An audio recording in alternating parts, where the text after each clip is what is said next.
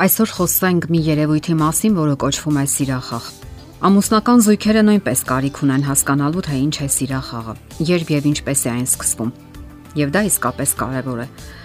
Սիրախաղն այլ կերպ անվանում են ֆլիրտ։ Երևույթն ավելի շատ հատուկ է երիտասարդներին, թեպետ մեծահասակներն էլ երբեմն դիմում են դրան գոյություն ունեն սիրախաղի տարբեր տեսակներ։ Այն առողջ է, երբ տեղի է ունենում ամուսինների միջև։ Ամուսինները միշտ էլ կարող են դիմել այդ երևույթին, երբ ցանկանում են կարգավորել հարաբերությունները կամ էլ պարզապես զվարճանալ։ Սակայն ցավոք մեր օրերում ոչ հազվադեպ փորձում են սիրախաղ անել ամուսնական միությունից դուրս, ինչն անկասկած անթույլատրելի է։ Ահա թե ինչու արժե որ ամուսնացածները նույնպես ճանոթանան սիրախաղի հոգեբանությանը։ Մերիլենդի համալսարանի պրոֆեսոր սոցիալական հոգեբան Թերեզա Դիդոնատոն գրում է.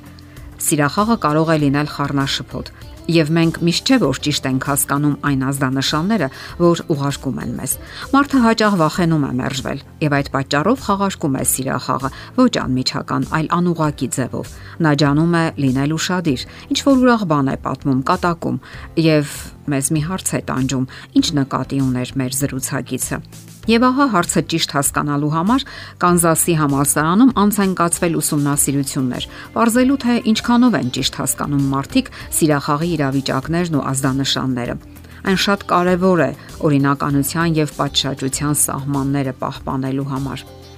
Այդ ուսումնասիրության ժամանակ հոգեբանները 20 րոպե հետևել են, թե ինչպես են շփվում միմյանց հետ անծանոթ մարդիկ։ Դրանից հետո փորձի մասնակիցները կիսվել են իրենց առաջին տպավորություններով։ Ահա թե ինչպիսի հետևությունների են եկել։ Ինչքան շատ է գրավում մարդուն հակառակ սեռի անznավորությունը իր ֆիզիկական տվյալներով, այնքան նա ավելի հաճույքով է տրվում սիրախաղին արդեն առաջին իսկ ցանոթության ժամանակ։ Սակայն սկզբում նրանք պահպանում են զգուշության կանոնները եւ իրերի հանդեպ առողջ ու սթափ հայացքը։ Այլ կերպ ասած, դուրս չեն գալիս պատշաճության կանոններից ու սահմաններից։ Պահպանվում են նաև քաղաքավարության սահմանները։ Սակայն հնարավոր են ինչ որ ակնարկներ դիմացինին հետքի վրա գցելու համար։ Ուշագրավ է նաև, որ տղամարդկանց մեծ մասը չի հասկանում, որ իր հետ փորձում են սիրախաղ անել։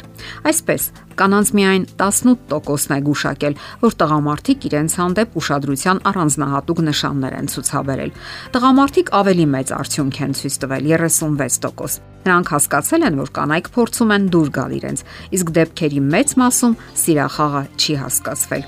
Հարցմանը մասնակցողները ավելի հեշտ գուշակել են սիրախաղի բացակայությունը։ Կանանց 83%-ը նշել է, որ իրենց հետ շփվում են բարեկամաբար, առանց որևէ սեռական համատեքստի, եւ դա լիովին համապատասխանել է զրուցակիցների դիտավորություններին։ Համարյա նույնանման 84% արդյունք են ցույց տվել տղամարդիկ, այլ կերպ ասած, երկու սեռերն էլ բավականին սթափ են գնահատել իրենց հանդեպ բարեկամական տրամադրվածությունը, չփորձելով դիտել այն որպես առանձնահատուկ հետաքրքրության դրսևորում։ Իսկ ինչպես հասկանալ, որ մեզ հետ փորձում են սիրախաղ անել։ Հետևեք ձեր զրուցակցի կամ դիմացինի մարմնի շարժումներին։ Որոշակի համատեքստում դրանք կարող են լինել ժպիտները, երկար հայացքները, դեպի մեզ հակված մարմինը կամ գլուխը եւ կարծես պատահական հպումները։ Դրանք խոսում են այն մասին, որ մեր հանդեպ առանձնահատուկ ուշադրություն է դրսևորվում։